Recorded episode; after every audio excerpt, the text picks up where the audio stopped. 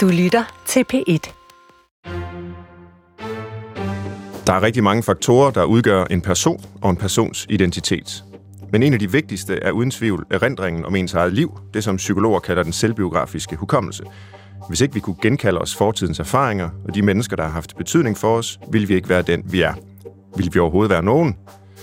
Men hvad sker der så, når vi gradvist mister erindringen om vores eget liv, for eksempel på grund af en demenssygdom? Den sygdom står for mange som noget af det aller værste, man kan udsættes for. Men har vi demoniseret demensen for meget?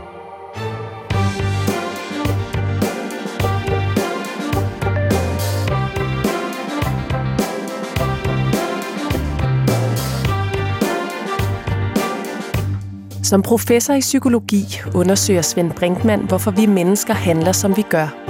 Her i programmet har han ikke mennesker på briksen, men tendenser i samfundet, sindet og menneskelivet. Man siger, at psykologi er videnskaben om det, som alle ved i forvejen, men sagt på en måde, som ingen forstår. I Brinkmans Brix er målet at sige noget, som ingen har tænkt på før, på en måde, som alle kan forstå. Med mig i studiet i dag har jeg Ina Køks Pedersen, journalist, antropolog og forfatter. Øh, senest her til bogen Drengen, der blev væk, mor, mig og demensen. Velkommen til dig. Tak skal du have. Og jeg har også Dorte Bernsen, som er professor i psykologi på Aarhus Universitet, centerleder for Danmarks Grundforskningsfonds Center for Selvbiografisk Hukommelsesforskning, Conor Mor. Velkommen til, Dorte. Tak. Jeg er rigtig glad for, at I er kommet for at diskutere det her øh, væsentlige og også lidt vanskelige spørgsmål om demens. Øh, og det er noget, jeg øh, meget gerne vil, vil ind på i sig selv. Altså demensen er jo øh, noget, der vedrører mange, både øh, dem, der får sygdommen og, og alle pårørende. Men jeg vil også gerne bruge demensen som en anledning til at måske undersøge menneskets hukommelse øh, som et almen fænomen. Men lad mig begynde med dig, Ina. Øh, hvornår var det første gang, du stiftede bekendtskab med demens? Jamen, jeg er sådan set vokset op med det i familien. Jeg, jeg kommer fra Sønderho på Fanø, hvor øh, man kendte de fleste af de gamle, der boede i byen. Og så øh, jeg har sikkert mødt det før. Øh, jeg som niårig mødte det hos min bedstefar, altså min fars far. Og siden var det min øh, mormor, og så blev det min mors faster, min mors fætter og øh, min mors søster. Øh, og i dag er det, desuden min mors ældste søster og min fætter på min fars side. Okay. Det, så, øh, det er noget af en omfattende familiehistorie med, med sygdommen, var. Men det er demens i rigtig mange udgaver, og okay. også fra den gang, før man stillede diagnoser. Så øh, det har haft så mange forskellige udtryk. Men, men pointen med egentlig at, øh, at trække det frem som noget, jeg er vokset op med, det øh, er, at da det nu kom til min mor, opdagede jeg på en eller anden måde, at jeg faktisk øh, vidste, at det var noget, man øh, kunne have i sit liv, fordi det havde jeg jo set så mange gange. Så jeg blev ikke bange. Og hun blev i og for sig heller ikke bange. Altså hun var ikke glad for det, og det var jeg selvfølgelig heller ikke. Man er jo aldrig glad for en sygdom. Det er jo ikke sådan, at man står og siger om hverken kræft eller sklerose eller sukkersyge eller noget som helst. Hurra, nu skal jeg ud på en lang rejse, som det er så populært at sige i dag. Øh, så det var der heller ikke nogen af os, der sagde, men vi var ikke bange. Og meget af det øh, er du inde på i din bog, Dreng, der blev væk, Mor, mig og demensen, som udkom for nylig, og, og som jeg også har læst, og synes er øh, altså en, en utrolig god bog. Øh, og noget af det, jeg rigtig godt kan lide ved den, det er, at den kombinerer rigtig mange forskellige øh, vidensformer eller perspektiver på demensen. Altså du er både øh, øh, datter, du er pårørende til en person med demens, og det beskriver du. Mm. Øh, og så er du uddannet antropolog, så du er jo også på feltarbejde. Og så er du også en, der indhenter viden fra, øh, fra videnskaben. Og en af de personer, du interviewer i bogen, øh, det er jo så Dorte Bernsen, som sidder her øh, imellem os i dag. Mm-hmm. Og Dorte, du er jo jeg, jeg har jo selv haft dig øh, som studerende på Psykologisk Institut øh, i slutningen af 90'erne. Ja. Der husker jeg jo ikke, at du beskæftigede dig med demens. Men jo nok med selvbiografisk hukommelse. Kan du prøve bare kort at fortælle os, hvad din interesse i demens udspringer af? Ja, det kan jeg godt. Det er fordi, jeg har altid, og det ved jeg så ikke, om du kan huske, men jeg har altid været interesseret i sådan nogle erindringer, der dukker op spontant. Ja. Vi kalder dem også for involuntære erindringer. Og øh, på et tidspunkt, så øh, blev jeg bekendt med de ting, øh, som de gør øh, i den gamle by i Aarhus, for at øh, prøve at aktivere erindringer hos mennesker med demens. Det var faktisk sjovt nok et radioprogram, jeg deltog i, hvor der også var en, en repræsentant for det øh, mm. projekt. Og øh, det lød, synes jeg, vældig interessant, og øh, jeg, var, jeg var slet ikke klar over, at de, øh, at de havde sådan et projekt. Øh, og jeg var helt sikker på, at der betød de her spontane erindringer og den viden, som jeg og mine kollegaer har om det emne, det, det kunne betyde rigtig meget i den sammenhæng. Og så indledte vi øh, lidt efter lidt et samarbejde øh, med den gamle by, og så har det, øh, så, så er det vokset sidenhen. Så det, min interesse i demensområdet er primært forskningsrelateret. Mm.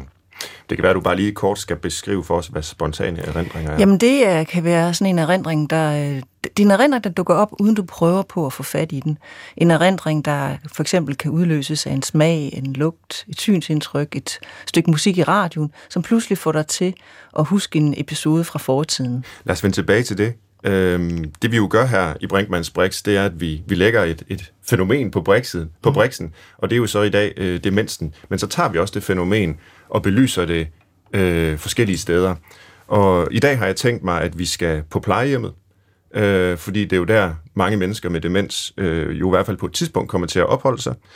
Øh, vi skal også se i fotoalbummet, øh, som måske er et sted, hvor man kan få nogle spontane erindringer ved at, at genkalde sig fortiden via billeder. Og så skal vi tilbage i urskoven, som vi sådan i overført forstand kalder det. Altså, hvorfor har vi overhovedet hukommelse? Øh, hvordan er den evolutionært øh, udviklet? Du lytter til Brinkmanns Brix på P1. Først så går vi ind i, øh, et rum, vi kan kalde plejehjemmet. Og det kan være, at vi, før vi sådan får beskrevet, hvordan en hverdag ser ud for en person med demens, der jo måske bor på et plejehjem, skal have klarlagt, hvad fænomenet overhovedet dækker over. Øh, nu har du skrevet en, en tyk bog, øh, Ina, og har lavet en masse research om demens. Hvad vil du sige, det egentlig er? Hvad er demens for noget? Det er en meget forfinet og kompleks tilstand, vil jeg sige, øh, som involverer ændringer i hjernen, der gør, at øh, man ikke længere øh, har samme adgang til at styre øh, sit liv, som man havde før, og med tiden heller ikke til at koordinere sit liv, øh, og så til at samordne de forskellige ting, der er i hjernens specialcentre. Øh, og det betyder selvfølgelig, at man øh, ofte bliver øh, ulykkelig frustreret over, at det, man vil herinde, det er ikke det, der kommer ud af munden, eller det er heller ikke det, som hænderne kan finde ud af at gøre. Øh, så der vil, være, øh, der vil være rigtig mange oplevelser af, at, øh, at man forandrer sig på en måde, som man ikke selv synes godt om. Mm-hmm. Det er interessant, du lægger ud med at beskrive det som en forfinet og kompleks tilstand, øh, hvis jeg husker dit øh, ordvalg rigtigt. Det er jo nok en anden måde at svare på, end hvis du havde været psykiater eller neurolog eller, eller sådan noget, hvor man jo umiddelbart bare vil sige, jamen det er en, en sygdom i hjernen simpelthen. Øh, er der en pointe med, at du siger, at det er en, en forfinet og kompleks tilstand? Altså, jeg vil jo selvfølgelig gerne tale om demens på en anden måde ja. end, øh, end enten den tørre, øh, kliniske, diagnostiske, som på en måde reducerer det til øh, et, et, øh, et journalblad. Øh, og jeg vil også hellere tale om det på en anden måde end, end den sorte katastrofesnak. Altså, det, det er jo en af pointerne i min bog, at jeg sådan set næsten sideløbende med, at min mor øh, har haft besøg i stuen af en lille dreng, øh, som så pludselig er væk for hende, og derfor ringer hun til mig og er ude af den, fordi øh, hvad skal hun gøre nu? Han var der lige før, han legede godt med hunden, og nu er han simpelthen væk. Mm. Det er ved at blive mørkt ude, hun bor i Sønderho på Fanø, der er vaderne, de ligger tæt på. Hvis man kommer derud, kan man blive væk, og det kan være farligt. Så skal hun ringe efter politi og brandvæsen, og mm. der taler jeg så lidt med hende, og vi bliver enige om, at hun nok har haft en vågen drøm, som jeg siger til hende, og hun bliver meget lettet og meget glad. Jeg kommer derover, øh, jeg sætter noget med lægen i gang, øh, og jeg kommer derover aftenen før det, og der læser jeg så på nettet tilfældigt om øh, verdens første topmøde om demens, hvor øh, Altså, der simpelthen er fat i øh, David Cameron, den daværende britiske premierminister, som er mødeleder. Han har fat i de helt store øh, sorte udtryk om demens. Altså, på, ja. det, på det første vil han have, at der skal være, han vil have, at man skal ligesom, næsten lave en, en øh, fælles aftale om, at der skal være en kur til rådighed senest i 2025, og, og for det andet, så taler han også øh, om demens på den måde, som jeg efterhånden lærte at kende, er den måde, man taler om demens på, hvis man vil vække opmærksomhed, hmm. vise solidaritet eller skaffe forskningskroner. Hmm. Og det er jo, at den er den smadrer øh, familier, og den stjæler liv, øh, og den øh, ruller nærmest hen over øh, mennesker som en naturkatastrofe.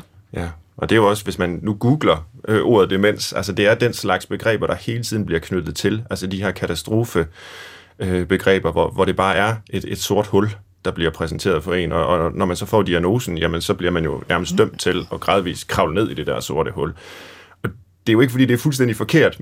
altså det, det er jo ikke, men, men jeg synes noget af det, der er, er, er rigtig fint formidlet i din bog, det er, at du jo altså forsøger at få nogle andre sider af demensen frem, men uden at romantisere det. Øh, fordi det kunne man jo også godt forfalde til på den anden side. Øh, meget også øh, fremtrædende i bogen, at din mor bliver øh, beskrevet som en meget altså selvstændig person, der synes, øh, man skal i videst mulig omfang øh, klare sig selv. Altså ja. hun har sådan en meget stærk personlighed. Ja. Øh, det er jo nok også noget af det, som, at det, det, det er vi jo mange, der lægger vægt på i et moderne samfund, ikke også? Og vi, vi har en kriminel lavalder, og når man er over den, så kan man faktisk blive straffet og komme i fængsel, og når man bliver 18, jamen så er man øh, myndig og kan stemme ved folketingsvalget, alt det der. Øh, vi, vi, vi lever jo som individer, øh, og lægger stor vægt på personlig myndighed og autonomi og sådan noget. Der er mange fine begreber for det. Og det er jo så noget af det, man kan risikere at, at miste ved demensen. Og ultimativt jo ikke bare risikere, altså øh, man, man mister den der personlige styrke og, og myndighed.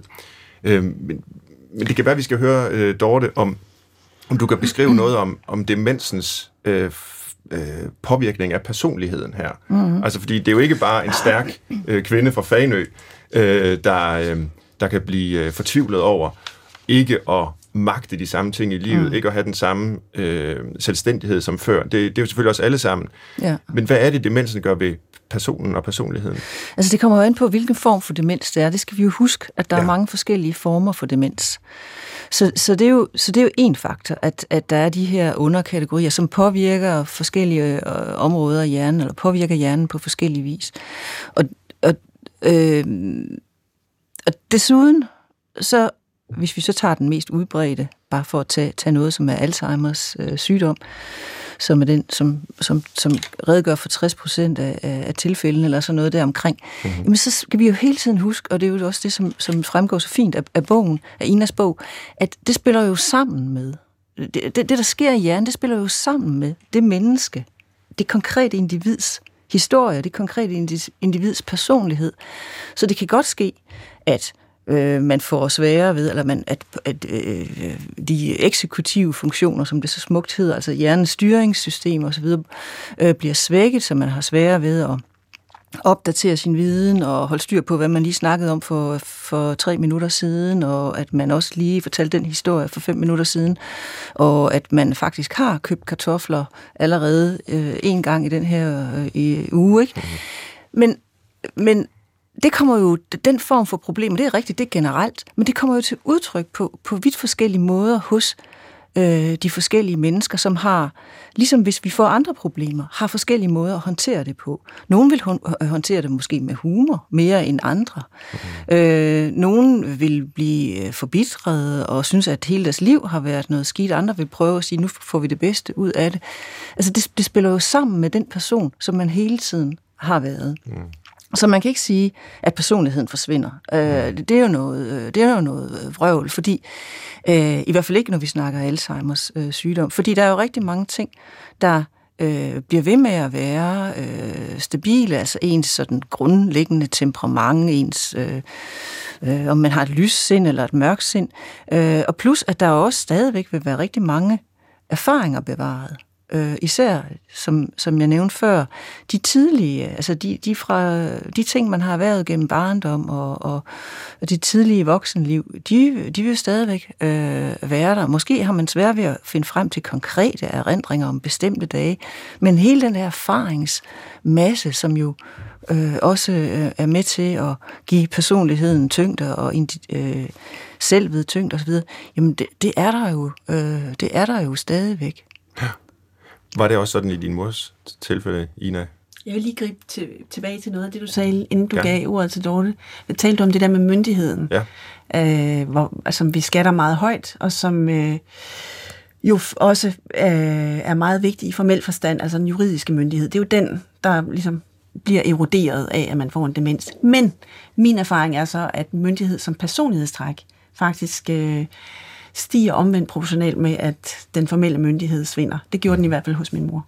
Hvad, hvad betyder det? Eller hvordan kommer det så til udtryk? Øh, altså, jeg øh, oplevede simpelthen, at hun, øh, øh, hun fik øh, adgang til øh, næsten stort set alle sine livsaldre, øh, og, og tog nogle ture frem og tilbage gennem dem, og gennem det var det som om, at hun fik øh, fat i noget af det, hun havde haft tidligere, øh, hvor hun havde været den fanden i voldske i familien.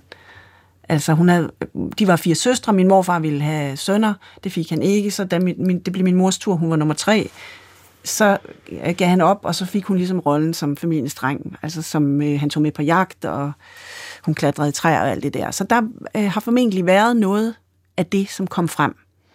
Og hun, hun blev sådan lidt øh, øh, kontant. Mm-hmm. Afregnet ved kasse 1. Mm-hmm. Øh, også med mig. Og det kunne jeg faktisk meget godt lide. Ja, ja det kan jeg godt se, der er noget myndighed i. Øh, og når du siger det her med, at hun måske begyndte at gå på tværs af alle livsaldre på samme tid, øh, så er det måske noget af det, vi plejede at kalde, altså man går i barndom, eller sådan noget, som er jo et negativt udtryk, men, men du formår at vise, at der også kan være noget, ja, noget myndighed i det, øh, noget styrke måske. Altså jeg oplevede det faktisk som en, øh, øh, med et forfærdeligt øh, moderne ord, som en tilvækst hos hende. Mm-hmm. Altså i virkeligheden var det noget af det, som fik mig til at tænke over. Altså hun havde jo, som øh, det handler bogen også om, som øh, ung mor, den store personlige tragedie at miste to små øh, sønner. Og øh, det er formentlig noget af det, der har givet hende den der holden myndighederne ud i strakt arm, fordi hun havde ikke god hjælp af sundhedssystemet på det tidspunkt. Men det har også lagt en skamplet ned over hende, fordi hun faktisk blev skammet ud af en af de overlæger, der havde med hende at gøre. Mm. Øhm, og øh, altså, jeg bilder mig ind, at det, jeg så der til sidst, det var konturerne af den personlighed, hun havde øh, haft mulighed for at udvikle sig til, hvis ikke hun havde fået lagt låg på i de der år med tragedien med de små drenge. Mm. Så der var noget, der fik lov at blomstre op, ja, øh, som faktisk der. måske var blevet undertrykt, eller havde været undertrykt ja. gennem mange år. Det, og det er jo en helt anden måde at se sådan en, øh, en sygdomsudvikling på. Mm. Øhm, tidligere har man måske talt om demens, det beskriver du også i, i bogen, Ina Køks Pedersen, som øh, forkalkning. Det hed det vist i 60'erne, og så kaldte man det øh, senilitet, ikke? man var senil øh, i 70'erne, og, og i dag siger vi demens. Øhm, og der er så, som Dorte Bernsen var inde på før, jo en lang række forskellige demenssygdomme, og, og de kan få vidt forskellige udtryk, men, men det er jo ikke desto mindre noget, der, der rammer rigtig mange. Og i dag kan man så komme på plejehjem. Øh, og der har du jo også været, Ina, øh, og, og lavet en form for feltarbejde. Du har selvfølgelig været der som, som pårørende, men jeg synes jo, det skinner igennem i din bog, at du også har et antropologblik, øh, når du er ude og lægger mærke til alt muligt, som vi andre måske ikke ville have lagt mærke til. Mm. Kan du prøve at beskrive, hvordan livet er på sådan et plejehjem, hvis man har demens i dag? Øh, altså for det første vil jeg jo sige, at min erfaring var, øh, min personlige erfaring, her taler jeg ikke om øh, hverken journalisten eller antropologen, der har været ude og se på mangfoldige slags plejehjem, men den personlige erfaring var, at plejehjem faktisk er et meget lukket sted. Det er meget svært at komme ind. Man skal nærmest være øh, halvdød for at få en plaster.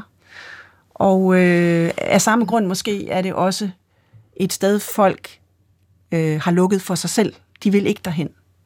Det, og i hvert fald også for min mor opfattedes det som den øh, ultimative overgivelse, altså den ultimative øh, afgivelse øh, af sin øh, øh, personlige råderet over sit liv. Ja. Øh, det var den ene ting, jeg vil sige. Øh, den anden ting er, når jeg havde hende med, øh, jeg forsøgte jo simpelthen at lave sådan nogle små fremstød for plejehjemmet, fordi nok havde hun øh, som yngre sagt til mig, hvis jeg nogensinde bliver stjampe, som det hedder på den lokale dialekt, så sørg for at få mig ind på det plejecenter, der ligger i nærheden af dit hjem i København, nemlig Sølund. Og dengang affærdede jeg det bare og sagde, ja, ja, det sker jo ikke. Men da det så skete, så ville hun ikke på plejehjem. Mm. Det var ikke et sted, hun ville hen. Og når jeg kom med hende der, så så jeg jo, hvorfor. Der var meget stille. Folk sad og sov ned i kaffen. Øhm, Og det er jo fordi, at det er et sted, man kommer, når man er meget syg. Mm. Øh, og derfor kunne jeg måske ønske mig, hvis jeg skulle have en utopi for plejehjem, at det blev mere et, øh, en form for øh, lokalt center, hvor man har en udveksling med alt andet liv i området også. At der var en restaurant, hvor børn og forældre kom og spiste. Det lyder selvfølgelig som det rene vanvid, men øh, jeg tror, at det kunne give et andet sted at være, fordi det er jo ikke, fordi der bliver færre med demens. Altså, vi får jo en del gamle, der, det er ikke fordi demens som sådan stiger, men vi får en del gamle, der skal flytte på plejehjem, og de kommer, rigtig mange af dem kommer til at have demens. Og det vil sige, at det skal plejehjemmene indstille sig på. Ja. Så hvis man vil have det liv, der faktisk i høj grad er hos mennesker med demens, så skal man også på en eller anden måde fremme det. Og det, man kan sige selvfølgelig, det helt afgørende, vi får ikke de der centre, som jeg lige har talt om, men så det helt afgørende næste, det er så medarbejderne. Øh, hvad der virkelig øh, har betydning, det er, hvordan de folk, der øh, omgiver dem med demens, er i stand til at møde dem. Og der har jeg set noget helt fantastisk. Jeg har også set noget, der ikke var særlig godt. Og jeg synes, det spiller rigtig godt sammen med, hvad, hvad Dorte Bernsen nævnte før. Det her med, at der selvfølgelig er nogle almene træk ved de her forskellige demenssygdomme. Øh, men det handler jo altid om den enkelte også, og den enkeltes øh, erfaring og den enkeltes eget liv. Og der bliver man nødt til at interessere sig for den enkelte. Øh, og det er jo så det, øh, dygtige øh, folk kan gøre øh, rundt om på, på plejehjemmene, og måske bør gøre i højere grad, øh, hvilket selvfølgelig kræver ressourcer. Øhm, men jeg kunne tænke mig at spørge dig, Dorte Bernsen, om fordi hvad skal man sige, vi, vi har jo alle sammen vores særheder. Øh, I takt med, at vi bliver ældre, bliver de måske øh, tydeligere. Øh, hukommelsen fungerer gradvist øh, dårligere, øh, fordi der er en almindelig alderssvækkelse osv. Af, af vores psykologiske funktioner. Hvordan skældner man egentlig mellem det, altså den, ene, den almindelige alderssvækkelse på den ene side, og så deciderede sygdomme, som demenssygdommene på den anden? Jamen, der er jo så nogle bestemte diagnostiske kategorier, man kan falde ind i, og nogle bestemte tests, som man kan tage for at se, om det er om det er en øh, almindelig aldringssvækkelse, øh, eller sund aldring, eller, eller om det er, som det hedder, eller om det er tale om, om noget, der er øh, sygdomsrelateret. Så der er nogle forskellige, øh, altså der er simpelthen nogle, øh, nogle bestemte øh, diagnostiske processer, som man kommer igennem, hvis der er mistanke. Hvis du går til din læge, og der er så mistanke om, at du har udviklet en demenssygdom, så vil hun eller han sende dig videre i systemet formentlig, eller prøve at lave en lille test med dig øh, i, i starten, ikke? og se, hvordan du klarer det ind, og så sende dig, sende dig videre, øh, hvis der er mistanke, så du kan blive udredet øh, ordentligt. Så, øh, så, så det er... Øh, men selvfølgelig er det rigtigt, der er nogle ting, der sker nogle ting rent aldringsmæssigt, som kunne, kan, kan, måske kunne minde lidt om om nogle af de her ting, men det er bare sådan i meget, meget, meget, meget mildere grad. Altså for eksempel med alderen, der bliver vi øh, ringere til at og, og huske, hvad det lige var, øh, vi var i gang med måske. Øh, hvad man gik ind i det her øh, andet rum for at finde. Ikke? Hvad, hvad, hvad, man, ja, det tager jeg da tit mig selv i. Nu står ja. jeg herinde. Hvad var det lige, jeg skulle her? Ikke? Det tror jeg, jeg var bedre til at huske som, som 25-årig.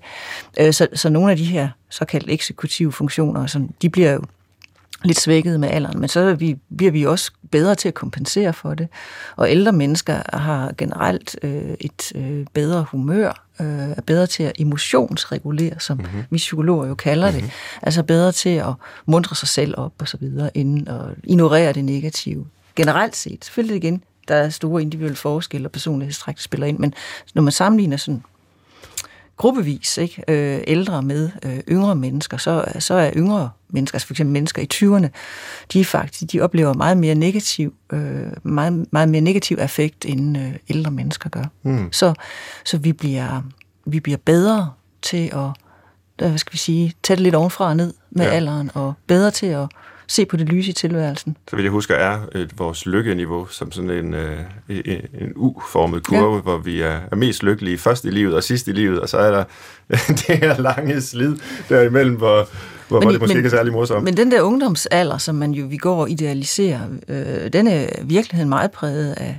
meget mere præget af negative følelser, end vi sådan ja. normalt hvor langt er man med hensyn til det rent øh, sådan neurovidenskabelige? Øh, I dag har vi jo altså, scanner, og man kan danne billeder af hjernen. Og, altså, hvor meget kan man se af demenssygdommen øh, i hjernen. Det kommer ikke an på, an på, hvad det er for en demenssygdom. Øh, hvis det er sådan en vaskulær demens, så vil man jo kunne se nogle forskellige steder, hvor der har været blødninger, eller er blødninger osv.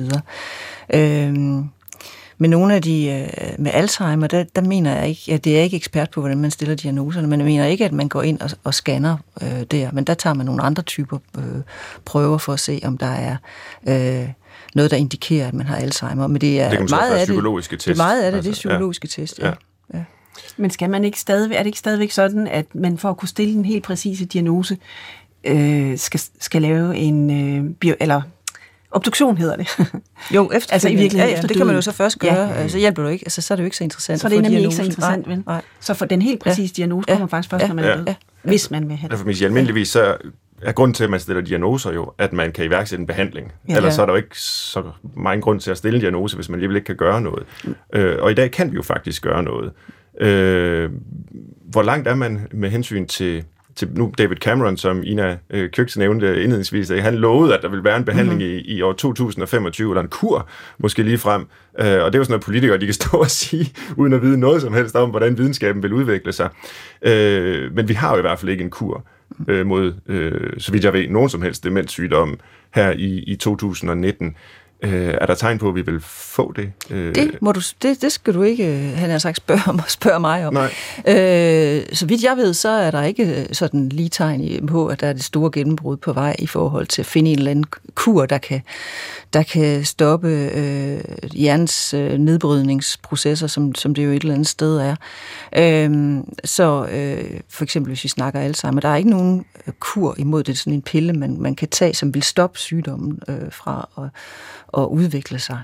Så øh, jeg tror, at hvis man skal nyt, altså hvis man skal tænke på det her på en ny måde, så skal man gå ind og kigge på, hvad kan vi så gøre for at øh, indrette øh, miljøerne bedre, sådan at, altså hvad kan vi gøre for, psykosocialt for at håndtere de her sygdomme, frem for at vi øh, hele tiden tænker i, i medicinske baner. Og øh, der kan man jo også komme ind på ja, mange ting, ikke? Men, altså, en, en, men for eksempel, hvordan indretter vi øh, plejecentre? Hvordan informerer vi pårørende? Hvordan øh, uddanner vi plejepersonale? For, på SOSU-skolerne, øh, der får de for eksempel meget lidt, hvis overhovedet øh, noget, øh, øh, undervisning i psykologi og i hukommelsespsykologi. Det betyder jo rigtig meget, at man ved noget om, hvordan hukommelsen påvirkes af øh, demens, hvis man skal for eksempel skal spørge, om nogen har lyst til en portion havregrød. Hvis man ikke kan huske, hvad havregrød er, så kan man jo ikke øh, svare på det. Øhm, så så der, det er jo, man kan jo sige, det er jo paradoxalt, at der er så, så kort en uddannelse til noget, der er så kompleks som behandling af, at, at den her øh, gruppe af mennesker. Og det vil jeg rigtig gerne gå videre med. Øh, hele spørgsmålet om, hvordan vi måske psykosocialt kan gøre noget for mennesker med demens, hvis vi ikke kan gøre så meget endnu da, øh, med hensyn til at behandle sygdommen direkte i hjernen. Du har lagt dig på Brinkmanns Brix på P1. I dag handler det om demens. Med mig i studiet er Ina Kjøks Pedersen, øh, journalist, antropolog, forfatter, og Dorte Bernsen, øh, psykolog og professor i øh, hukommelsesforskning, hukommelsespsykologi på, på Aarhus Universitet. Øhm, og jeg vil gerne øh, tage fat i noget af det, vi var inde på øh, lige før, nemlig spørgsmålet om, øh, hvordan vi kan øh, hjælpe mennesker med demens. Og øh, noget af det, vi måske kan, det er øh, indrette vores miljøer på andre måder. Hjælpe mennesker via forskellige genstande, øh, rutiner, vi kan bygge op, til, til at, at, at i høj grad kunne genkalde sig øh, fortiden. Og det kan for eksempel være, nu for at gøre det helt konkret her, at kigge i et fotoalbum. Øh, og, og der er der jo øh, en hel masse øh, forskning og teoriudvikling lige i den her tid, hvor man jo netop er blevet opmærksom på, at vores hukommelse i rigtig høj grad handler om øh, de omgivelser, vi er i. Øh, de genstande, vi omgiver os med. Øh, og, øh, og ikke kun om et eller andet, vi bærer rundt på i isolation øh, for omgivelserne. Og der er et rigtig fint citat, der udtrykker det fra din bog, Ina, som jeg lige bare vil læse op. Alle mennesker bliver til i samvær Individualiteten sidder ikke i et indre uforanderligt organ, ligesom erindringen ikke er et indre fotografisk arkiv. Og med den sætning synes jeg, at du lægger op til øh, netop, at vi ser på, på de steder, folk er, på de genstande, øh, de omgiver sig med, og vi omgiver dem med, hvis vi har ansvar for dem, for eksempel på et, et plejehjem. Øh, er erindringen ikke det her fotografiske arkiv, som mange mennesker måske intuitivt vil, vil tænke, mm. og det arkiv kan så måske være mere eller mindre velfungerende, men, men det er måske en helt forkert metafor at tænke hukommelsen ud fra, Dorte Bernsen. Mm. Ja, det er ikke sådan et arkiv, fordi vi, vi husker ikke fotografisk. Vi, øh, når vi skal erindre noget, så konstruerer vi det i, i, i høj grad. Det betyder selvfølgelig også, at vi kan huske forkert. Men øh, det er rigtigt, at vores hukommelsesevne, vores erindringsevne, er meget betinget af de situationer, vi befinder os i, og på hvilken måde de situationer, de omgivelser, vi er i, tingene, øh, øh, lokalerne, stederne, øh, menneskene, kan øh, hjælpe os med at bringe øh, erindringer frem, eller hvordan de spontant, så at sige, kan bringe erindringer frem, eller kan skabe en umiddelbar genkendelighed. Det skal vi jo også huske. Det handler jo ikke bare om at huske konkrete situationer, det handler også om at føle sig hjemme, mm. og føle, at her er noget, jeg kender godt den her, øh, det her objekt øh, fra, øh, fra forskellige sammenhænge. Så man føler, at man, ja, at man, er, at man er hjemme i, i sit eget liv. Og øh, der kunne jeg bare godt tænke mig at nævne et, et, et, et jeg synes, et, et interessant eksempel med et plejecenter i Dresden i, i øh, Tyskland, mm. i tidligere Østtyskland, som, hvor man opdagede, det er bare sådan et ganske almindeligt øh, plejecenter, nu er det så blevet lidt berømt, men man opdagede, at, at øh, tilfældigvis, at øh, de her øh, mennesker, der var her, som havde levet mest af deres liv før murens fald i det tidligere øh, Østtyskland, DDR, at øh, de øh, kunne rigtig godt lide at gense en scooter fra øh, hmm. den tid, øh, som mm, holdt parkeret uden for øh, plejecentret. Det, det faldt de rigtig meget i snak over. Og så en visionært øh, plejehjemsleder, han øh, indrettede så store dele af øh, centret, som om det var i det tidligere DDR, med genstande og øh, butik, de kunne gå ind og købe øh, ting og sager i, og øh, musik, øh, de kunne høre fra den tid, og masser af snak om det. Og de, de bestemmer selv, om de vil derind eller ej, men de tilbringer meget af deres liv i den del af plejecenter, som er før murens fald, fordi den jeg ved ikke, om de var lykkelige dengang, eller altså, det var en bedre tid, det var det sikkert ikke, men det har genkendelighed. Det er noget, de kan relatere til. Mm. Øh, der bliver de ligesom sig selv igen. Øh, så og, og, og det kan man sige, det er selvfølgelig lidt vanskeligt for os andre, som måske er pårørende, øh, hvis man er det, til en, en person med demens, at gå ind og indrette sådan et miljø. Men så kan man gøre det, at man bare accepterer det okay at snakke om gamle dage. Altså jeg har samtidig hørt mennesker sige, ja, ja, jeg gider ikke at besøge min mor, for hun snakker altid om gamle dage, eller min mor, fordi det... Jamen, stop nu. Det handler om at møde mennesker, hvor de er. Og hvis de er i 1950'erne ting, der skete der, jamen så, så lyt til de fortællinger. Det kan være, der kommer noget frem, som du aldrig øh, har hørt før. Mm. Eller kommer sider frem af det her menneske, som du ikke har set før. Har du lignende eksempler, Ina? Øh, jeg ved fra din bog, at du også har besøgt plejehjem, også i udlandet. Jeg mener, det er i Holland, der er sådan en, øh, et, et plejehjem, hvor man som er eksemplarisk på mange måder, men måske ikke lige præcis med hensyn til det her med at indrette sådan et erindringsrum. Øh, men, men har du eksempler fra, fra din mors øh, situation, hvor, hvor hun på samme måde ligesom er på grund af nogle øh, ja, det kan være et fotoalbum, det kan være et, et, et magasin eller et eller andet, har kunne genkalde sig noget? Altså, øh, nej, måske ikke øh, i samme grad med ting. Nej. Øh, hun var, gik faktisk ikke særlig meget op i fotografier, det var mere mig mm. der øh, faktisk også lærte noget om hende ved at se de gamle billeder og tale med andre i familien om hende på de billeder.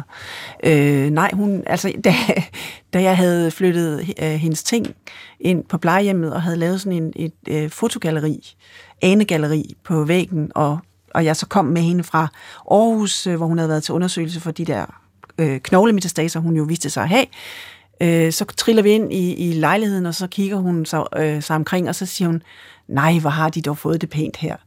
Øh, så hun synes, det var pænt, men det var ikke sådan, så hun tænkte, øh, det minder mig lige om. Mm. Jeg, hos hende vil jeg sige, det lå mere i, øh, i, i netop øh, det, du sagde, inden du gav ordet til Dorte, altså det der med samværet. Ja. Øh, og, og du nævnte, Dorte, Øh, det med, at folk siger, ja, åh, jeg holder ikke rigtig ud og, og komme derhen, fordi øh, bedstemor, eller hvem det nu er, øh, taler altid kun om gamle dage. Og, og dertil er så at sige, hvis man egentlig øh, kigger efter, hvad vores hverdagsfortællinger handler om, og hvad de, øh, dem vi har i en familie for eksempel, hvad de tager udgangspunkt i, så er det jo gamle dage. Det er faktisk nogle hverdagsfortællinger, vi har opfundet sammen i en familie for mange år siden.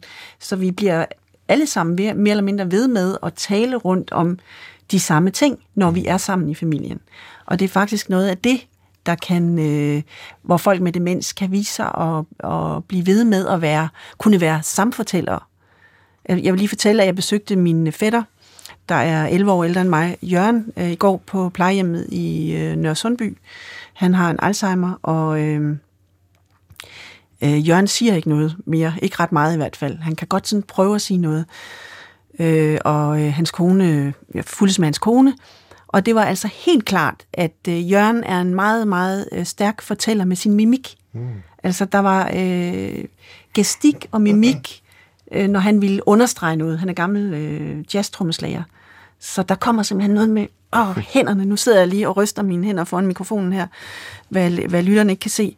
Øh, og, og, og når Helene, hans kone, fortalte om noget, de havde lavet sammen i familien, blandt andet noget med et barnebarn, så kom der også hånden frem, fordi han ville, han ville vise noget om et bestemt barnebarn, han, der betød særlig meget for ham, som han havde holdt i hånden. Øh, så det jeg egentlig bare vil sige med det, det er, at, øh, at øh, folk med demens kan blive ved med at være en eller anden form for meget kreative medfortællere. Ja. Øh, hvis man er med på øh, at være et vi. Altså hvis man er med på at, at sige, det er noget, vi laver sammen. Og et rigtig godt eksempel, synes jeg, på, at vores hukommelse jo ikke bare er som den her indre film. Det er ikke bare et fotografisk arkiv, eller det er det måske overhovedet ikke. Ja, det er også noget øh, kropsindlejret. Det er også noget kropsligt, ja. øh, kropsindlejret. Det er noget, der, der handler om, hvilket rum vi er i, øh, det miljø, vi er i, som jo også er et socialt miljø. Øh, og nu er jeg jo på ingen måde øh, demensekspert, men jeg husker at have læst nogle undersøgelser. Jeg tror måske endda, du refererer Steven Sabat i, i bogen, øh, Ina, øh, som har lavet sådan nogle øh, mikroundersøgelser af samtaler med personer med demens, hvor det viser sig, at hvis man sætter hastigheden ned, så mm. kan man kommunikere langt mere meningsfuldt med dem. Hvorimod, hvis vi ligesom opretholder vores almindelige samtale-flow, som vi tre nu sidder og har her, hvor vi skiftes til at, øh, altså, at have ordet og så videre, og vi svarer umiddelbart på det, der er blevet spurgt om og sådan noget, øh, så, øh, så falder den demente hurtigt fra.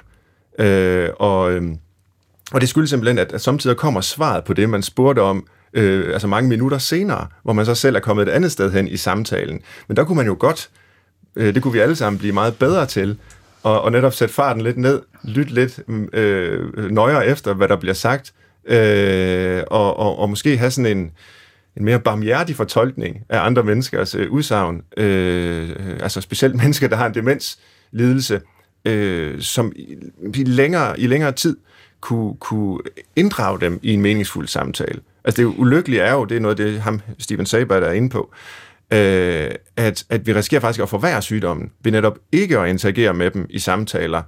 Mm. Øh, det stopper vi med for tidligt. Og når de så ikke får den her øh, almindelige sociale øh, stimulering øh, og, og, og invitationer til samtaler, jamen så forværrer sygdommen. Og det er jo ganske ulykkeligt, hvis, øh, hvis, hvis vi så at sige socialt øh, kan være desværre medvirkende til at, at, at gøre folk syge. Må jeg lige indskyde her, det er jo så også vigtigt i netop øh, de her samtaler, eller det samvær, vil jeg egentlig hellere kalde det, fordi ja. samtale kan nemlig også være andet end ord. Akkurat, ja. Øh, der er det vigtigt at være åben over for det, der ikke umiddelbart virker øh, som tilhørende den rationelle verden. Altså, mm-hmm. øh, når min mor for eksempel, der pludselig omtaler en eller anden bestemt statue af en fugl som en hasifak. Hvor kom det lige fra? Mm. Og så jeg, i stedet for at ligesom, begynde at grænske i det, så så faktisk øh, forholde mig til, at hun har skabt et nyt ord. Eller hun sidder og kigger på et, øh, et glas med øl i, øh, hvor der er de her bobler op og ned af, af indersiden af glasset, og så siger hun til mig, efter at have studeret det et stykke tid, der er altså diktat i det glas, der er det, jeg er nødt til at sige. øhm, det er jo fuldstændig fantastisk for mig. Øh, det er sådan en eller anden form for mærkelig poesi, ja. kan jeg ikke lade være med at tænke. Fordi det kan godt være, at det lyder fuldstændig gak og goddag med en økseskaft, som man jo sagde i det absurde teater. Øh, og hvad så? Ja.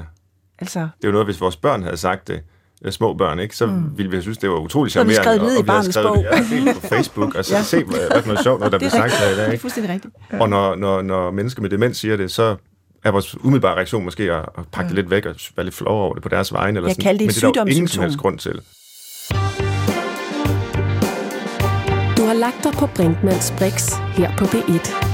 Her i Brinkmanns Brix, øh, der har vi i dag lagt demenssygdommene på Brixen og undersøger dem fra forskellige perspektiver, og øh, til at hjælpe mig med det har jeg Ina Kjøks Pedersen, øh, forfatter, antropolog, journalist, og Dorte Bernsen, som er professor i psykologi på Aarhus Universitet.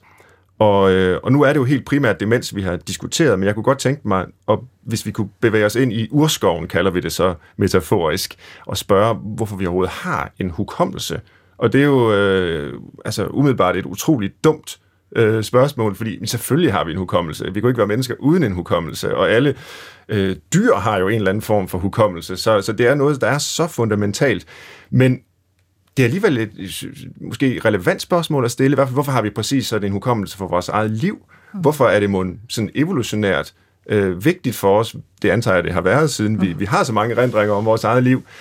Øh, og, og kunne genkalde os den slags øh, detaljer. Øh, da, da, da vi nåede til 1600-tallet, det er også med i din øh, bog, Ina, øh, der, der begyndte filosofer jo at sige, at det er den her øh, hukommelse for vores eget liv, der udgør vores personlige identitet. Altså vi er simpelthen den historie om os selv, som vi kan genkalde psykologisk. Og det har haft stor betydning sådan i vores øh, individualistiske kultur. Og det er jo så noget af det, du viser i din bog, at det er måske en alt for snæver måde at se personen og personens identitet på, fordi det handler også om noget meget mere kropsligt og noget meget mere relationelt. Øh, øh, og det er jo utrolig spændende. Men, men hvorfor skal vi overhovedet kunne huske vores eget liv, Dorte? Jamen, øh, jeg, jeg lægger nok lidt mindre vægt på det der med, at erindringer er til for identitetens skyld. Mm. Selvfølgelig er det rigtigt, at erindringer understøtter vores identitet og skaber kontinuitet i livet og minder os om, hvem vi selv er. Men øh, der er også rigtig mange andre aspekter af erindringer, og jeg tror, at hvis vi sammenligner os med, med øh, andre dyrearter osv., så har vi evnen til at huske konkrete situationer, vi har været ude for, hvis vi snakker de her selvbiografiske mm-hmm. erindringer. Fordi at, at øh, vi har brug for den viden i forhold til at, at håndtere den aktuelle situation, vi er i. Øh, vi har brug for at kunne øh, trække på vores øh, erindringer, når vi står over for et nyt problem, og så spørge os selv, hvordan øh, håndterede vi noget, noget lignende øh, øh, når vi ikke bare kan køre på rutinen, så kan det være, at der var en anden gang, hvor der trods alt var et eller andet, der mindede om det her problem. Øh, og hvad gjorde man så? Og så dukker så nogle erindringer øh, op.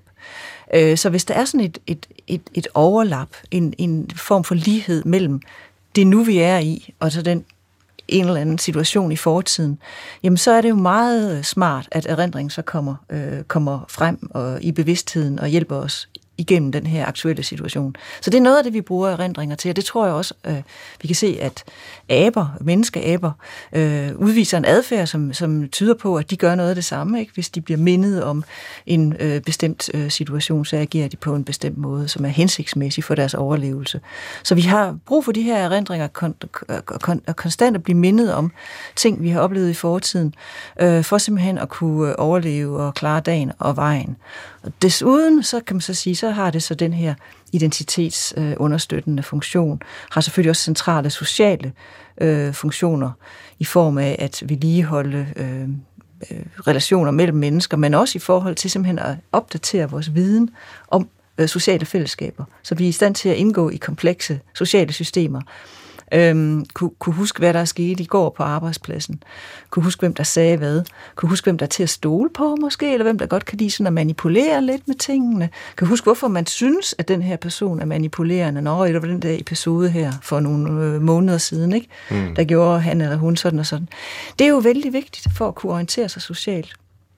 Så, så de, de, de spiller sådan en helt afgørende rolle for, eller rendringsevnen spiller en helt afgørende rolle for vores evne til at kunne, kunne navigere socialt og, og rummeligt i vores verden. Mm-hmm.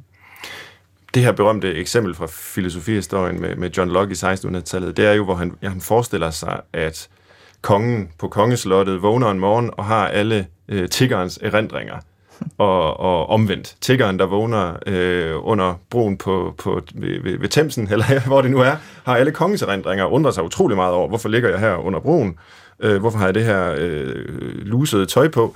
Øh, og, og tilsvarende undrer kongen sig over, eller er det så kongen, ikke? Altså, men den person, der vågner op i kongens seng, undrer sig over, hvor, hvorfor har jeg dog øh, den her fine minkpels på, og, og hvorfor kommer der tjener ind nu?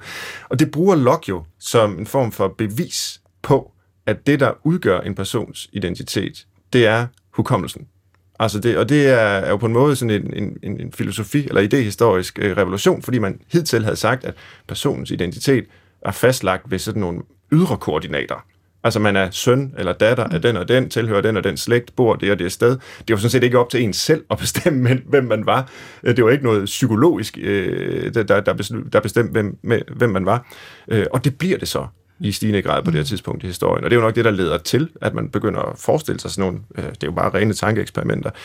Men nu er vi så nået til et tidspunkt i historien, hvor, hvor vi måske er på vej lidt væk fra den her idé om, at det er øh, psykologiske forhold, der konstituerer, udgør den øh, personlige identitet. Det er i hvert fald noget af det, jeg synes også er spændende ved, ved din bog, Ina. Det er, du selv, når man gradvist mister erindringen, om i hvert fald dele af ens, især måske nyere historie, øh, jamen så er der jo rigtig meget, der fortsat er med til at, at fastholde en identitet.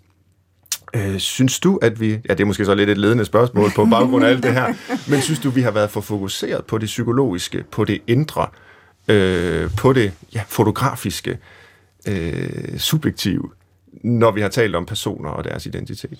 Altså, dybest set synes jeg vel, når nu vi taler om demens, at man generelt både har været og er for fokuseret på, hvad folk med demens ikke kan, frem for hvad de kan. Ja. Altså sådan vil jeg måske i virkeligheden øh, hellere sige det, fordi øh, altså, det der med, at, at man er, hvad man husker, den gælder jo stadigvæk. Jeg tror faktisk ikke engang, det er et år siden, at en fremtrædende dansk psykolog skrev øh, noget i politikken om hele det her med at bruge narrativ, også i forbindelse med at, øh, at fortælle sig selv frem, for eksempel som arbejdsperson og alt muligt andet. Og hvis man ikke længere evner, øh, fordi man ikke kan huske det, ikke længere evner at, at lave sin autobiografiske historie, jamen, så er man ingen, øh, bliver der skrevet. Jeg tror faktisk, der bliver ovenkøbet brugt ordet grøntsag.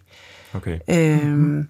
Og det er noget, der bygger på Jerome Bruners, som I selvfølgelig begge to kender, øh, formulering omkring det der med narrativ. Ja, han er sådan en kendt øh, narrativ øh, psykolog, ja, lige præcis. kulturpsykolog. Og sådan, Uden ja. han dog nødvendigvis ville være enig i den udlægning. Ja, det er ja. nemlig det. Ja, helt sikkert. Det er nemlig det. Men der er der så, jeg ved ikke, altså der, jeg læste faktisk en svensk psykologiprofessor, Lars Christer Hydén, der har lavet noget forskning med... Øh, med øh, øh, familier og par, hvor den ene har Alzheimer, og det var noget af det, jeg talte om før, hvor han faktisk øh, viser, hvordan øh, der kan være en form for fælles identitet, fælles hukommelse, øh, fælles autobiografisk hukommelse. Altså det, det at man, man deler den her historie, som man har måske har fortalt mange gange før, mm. det kan man faktisk blive ved med. Og den anden, der måske ikke kan sige så meget mere, ligesom jeg fortalte om min fætter før, kan så måske netop vise med kroppen, jamen det var sådan her, det gik med den der tværbom på båden. Mm. Det var præcis sådan her, det var. Ikke sådan, som du lige viser der. Mm. Øhm, og hvor så Hydens øh, pointe er netop at, øh, at udvide forståelsen af, hvad identitet er. Ja. Altså. Ja, det er jo en anden måde at gå til det på. Ja. Altså, hvor man holder fast i ideen om, at vi er så at sige, hvad vi husker, ja. men bare siger, at begrebet om hukommelsen, om hvad det vil sige at huske, skal være langt, langt bredere, ja. end det bare er vores personlige historie, vi kan genkalde. Øh, ligesom øh, tiggeren, der vågner der i, i kongens seng og har hele tiggerens øh, livshistorie præsent. Øh, det er jo bare en, en dimension af hukommelsen. Øh, hukommelsen har også den sociale dimension, en kollektiv dimension, hvor vi kan huske mere, når vi er sammen med nogen, øh, vi, vi, vi deler erindringsfællesskab med. Øh, hukommelsen er, er kropslig, Øh, altså, vi, vi kan huske mere, end vi kan sige. mm. øh, langt, langt mere jo. Øh, og, og det kunne måske i højere grad få betydning for vores øh, syn på demens, vores behandling af demens. Altså mens vi venter på, at, at øh, lægerne øh, skaber kuren, om de så nogensinde lykkes med det, det kan vi kun håbe på, vi kan ikke vide det, men så er der måske en hel masse ting, vi kan gøre i mellemtiden. Øh, hvad, hvad, hvad kunne det være? Jamen, jeg synes da, at, at øh, vi skal, at vi skal, vi skal netop tænke på, at det, det, det er, det med hukommelsen, det er dynamisk. Og det, som mennesker kan, er, er også noget dynamisk. Det afhænger, og det er jo noget, som, som psykologien også har vist, øh, at det afhænger jo rigtig meget af den de omgivelser, man er i, den struktur, som, den, som de omgivelser tilbyder, den støtte, der er til, til rådighed, er jo med til at bestemme, hvad man kan. Og lige sådan husker man sin historie? Ja, det gør man måske i nogle situationer. Husker man aspekter af sin historie, i andre situationer gør man ikke. Så vi skal væk fra det der med at tænke på det som, som noget, der er statisk. Og mm. har man fået en demenssygdom, så er det sådan og sådan og sådan. Og, øh, og det går kun ned ad bakke. Og, og, øh, og i stedet tænke på det som, øh, som noget, der er dynamisk. Og hvordan kan vi udnytte de her øh, dynamiske aspekter, sådan at vi får, øh, ja, får, får skabt øh, de bedste vilkår, øh, som, som det nu er muligt at skabe. Og det synes jeg ikke, vi er ret gode til. Øh, det, det, det, det, det er måske også, fordi psykologien har været lidt for, for stille og tavs, og måske også lidt, fordi antropologien ikke har spillet nok med. Ikke? Øh, det har meget været den der medicinske forståelse, der har været, der har været dominerende. Og den har jo selvfølgelig sin berettigelse, slet ikke for at sige, at den ikke har sin berettigelse, men vi er nødt til at, at lægge nogle andre perspektiver ind på, specielt her og nu. Altså den, den daglige pleje, eller den daglige... Øh, øhm, daglige samspil med personer med, mm. øh, med demens. Hvad kan vi gøre her og nu? Altså i stedet for at tænke på kur. Ja. Kur, det er jo noget langsigtet, ikke? Jo. Øh, men her nu, hvordan kan vi løfte situationen her og nu? Og der kan man jo gøre rigtig meget. Det er lidt ligesom, når jeg tager mine, mine briller på her, læsebriller, ikke? Det forbedrer min evne til at, at, at se her og nu. Mm. Det, det kurerer ikke, at jeg, øh, at min, mit syn er blevet svækket. Men det, det, de første vil jo, være, øh, vil jo sige, det er som meningsløst at bruge briller. Mm. Klart. Ja. Har du forslag, Ina, til, hvordan vi eventuelt kunne... Nu, nu sidder vi jo her og taler om demens, og der er måske nogle øh, sundhedspolitikere, der hører med, der er måske nogle plejehjemsledere, der hører med, der er måske nogle socioassistenter, der hører med, nogle læger, hvem ved jeg? Øh, ud fra dine undersøgelser, øh, dine erfaringer, dine læsninger, øh, hvordan kunne vi forbedre forholdene? Altså, jeg synes for det første, man skal... Øh til at begynde at være varsom med, hvordan man omtaler det. Øh, man skal ikke konsekvent, øh, som det faktisk er blevet en del af hverdagssproget, at øh, sige, at det er en forfærdelig sygdom. Det må man lade dem, der bøvler med den, øh, sige. Man kan godt sige, at det er en svær sygdom, for det er det. Mm. Øh, det er en ting. Øh, og så ville jeg synes, at det var fantastisk, hvis øh, det system, vi har, det sundhedssystem, vi har, kunne være med til at lægge op til, at der kom et mere formaliseret samarbejde mellem familien som en enhed og øh, de sundhedsprofessionelle. Fordi vi jo i forvejen som døtre og sønner og ægtefæller øh, skal være med. Men det er ikke et formaliseret samarbejde. Det hviler stadigvæk, altså man kan sige, relationen mellem familien øh, og, og systemet som systemet har jo givet os, sådan en som mig, jeg har jo fået den halvprofessionelle betegnelse pårørende, selvom jeg jo egentlig er min mors datter. Mm. Så i forhold til systemet er den pårørende, men stadigvæk er det egentlig ikke noget, der er formaliseret som arbejde, fordi det hviler på en gammel idé om, at al hjælp til et familiemedlem er kærlighedsarbejde. Det er det også, men stadigvæk så mener jeg altså godt, at man kunne gå ind og løfte det ud af det, og så sige, at vi arbejder sammen, fordi vi nu ser jer i familien som et I. Ja. Øh, eller I skal se jer selv som et vi. Fuldstændig ligesom når man kommer til sit første møde på hukommelsesklinikken, eller andet, eller tredje møde, og øh, som en forsker, der Iben øh, Gødsbøl har vist, så øh, går lægens blik, hviler på, øh, den, på patienten og siger, hvordan står det så til? Og så hvil, glider blikket rrrt, over på øh, nærmeste pårørende. Altså, så det bliver et fælles du. Og det fælles du, som der der er tale om, synes jeg egentlig lige så godt, man kan gøre en dyd ud af. For det er der i forvejen. Så i stedet for at prøve at lave alt muligt hø og hakkelse og lade som om det ikke eksisterer, så gør det til, ja, det er sådan, det er. I gør det her i fællesskab, vi gør det her i fællesskab.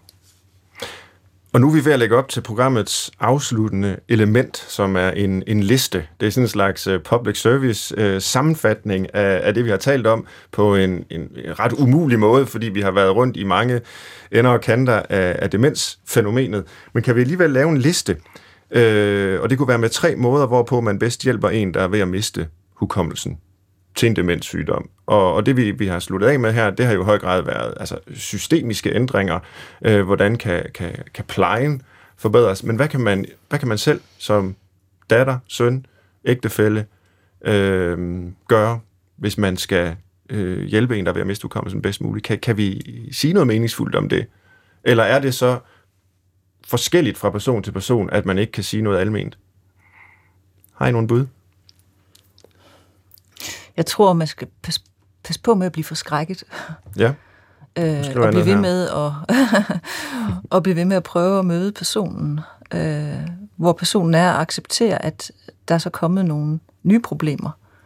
Lidt ligesom hvis man har fået en gigtsygdom eller et eller andet. Ikke? Jamen, der vil man jo heller ikke løbe forskrækket væk. Men, men ligesom tage det for, hvad det er. Ja. Og, øh, men det er jo, ja, det, det er jo svært at gøre det som enkeltstående pårørende, uden der også er nogle systemændringer. Ja. Det er klart. Har du et bud, Ina? Men øh, vær åben, nysgerrig, øh, vær ikke bange for at tage en tur med ud i galakserne. Altså det var noget af det mest interessante med min mor, det var simpelthen, når jeg fik lov til at interviewe hende om, hvordan de så ud, dem hun kunne se, og som jeg ikke kunne se. Øh, det var jo altså øh, helt køligt nøgternt, der blev beskrevet, hvordan, øh, hvordan hun så øh, de her mennesker, eller væsner. Mine spøgelser, som hun sagde. Mine spøgelser er venligsindede, sagde hun. Ja. Øh, Ja, så jeg er enig i, at øh, selvfølgelig er man bange, men så stå ved den der bangehed, så find ud af, øh, tal med den, der har demensen om det, fordi der er jo i hvert fald en ting, der er sikkert, den person er også bange mm. For det, der nu måske kan føles øh, fremmed og mærkeligt overvældende. Så kig mm. på det sammen. Det synes jeg er to rigtig gode øh, punkter. Pas på med ikke at blive for forskrækket. Øh, det er det første. Vær åben forblive nysgerrig. Det kunne være det andet. Og så kunne jeg måske selv tilføje, hvad jeg var inde på øh, tidligere. Sæt tempoet lidt ned. Det kan mm. godt være, at personen bliver asynkron, men øh, så må, altså i, i almindelige øh, samtaler og samvær, men så må man prøve at, at finde rytmen. Øh, og det kan være, at det er en lidt langsommere rytme, end ens interaktion med personen hidtil har, har kørt i. Og humor glemte vi. Humor. Humor. Ja. ja. Og lad, lad, lad, man skal ikke være bange for at tale om gamle dage. Nej. Det vil ved fortiden med den Ja, øh, hvis det er det, der er...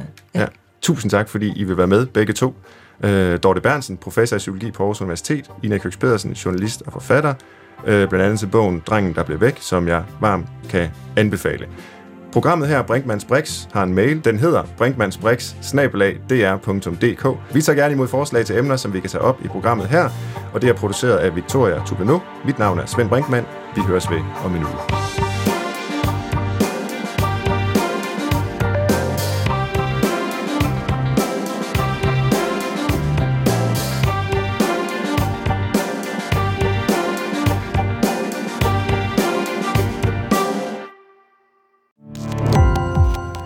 Gå på opdagelse i alle DR's podcast og radioprogrammer. I appen DR Lyd.